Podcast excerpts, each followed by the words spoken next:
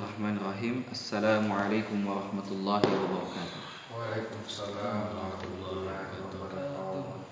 الحمد لله الحمد لله الذي هدانا لهذا وما كنا له لنهتدي لولا أن هدانا الله أشهد أن لا إله إلا الله وحده لا شريك له وأشهد أن محمدا عبده ورسوله وصفيه وخليله صلوات الله وسلامه عليه Hadirin jamaah salat subuh yang dimuliakan oleh Allah Subhanahu wa taala. Eh, sebuah kesyukuran patut untuk kita semua syukuri bahwa hari ini kita kembali membuka uh, majelis kita majelis uh, kitab Riyadus Salihin yang dulunya di jeda atau dihentikan untuk sementara waktu Alhamdulillah hari ini kembali dibuka dengan taufik Allah Subhanahu wa taala. Eh, dan kita sudah sampai pada kitab Fadail kitab yang ke-8 dalam kitab Riyadus Solihin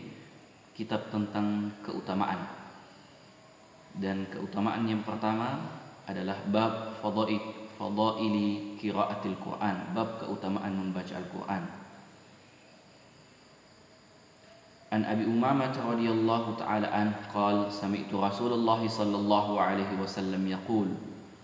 Iqra'ul Qur'an fa innahu ya'ti yaumal qiyamati syafi'an li ashabihi rawahul Muslim. Dari Abu Umamah radhiyallahu taala anhu berkata aku mendengar Rasulullah sallallahu alaihi wasallam bersabda bacalah Al-Qur'an karena pada hari kiamat ia akan datang sebagai syafaat untuk para pembacanya hadis riwayat Muslim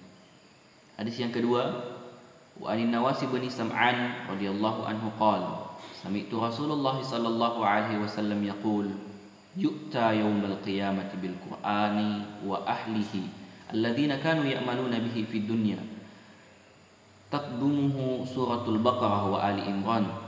tuhajuna an sahibihima rawahu Muslim dari Nawas bin Sam'an radhiyallahu anhu berkata, aku mendengar Rasulullah sallallahu alaihi wasallam bersabda, pada hari kiamat Al-Qur'an akan didatangkan dan juga para ahli Al-Qur'an, yaitu orang-orang yang mengamalkannya di dunia, didahului oleh surat Al-Baqarah dan Ali Imran. Keduanya menjadi hujjah bagi yang membacanya. Hadis yang ketiga, yang terakhir وأن عثمان ابن عفان رضي الله عنه قال قال رسول الله صلى الله عليه وسلم خيركم من تعلم القرآن وعلمه رواه البخاري dari Utsman bin Affan radhiyallahu anhu berkata Rasulullah sallallahu alaihi wasallam bersabda sebaik-baik orang di antara kalian adalah yang belajar Al-Qur'an dan mengajarkannya hadis riwayat Al-Bukhari itulah deretan hadis yang dapat kita bacakan pada hari ini Mudah-mudahan kita dapat mengambil manfaat dengan sebaik-baiknya. Hadanallahu wa iyyakum ajmain. Wassalamualaikum warahmatullahi wabarakatuh. Waalaikumsalam warahmatullahi wabarakatuh.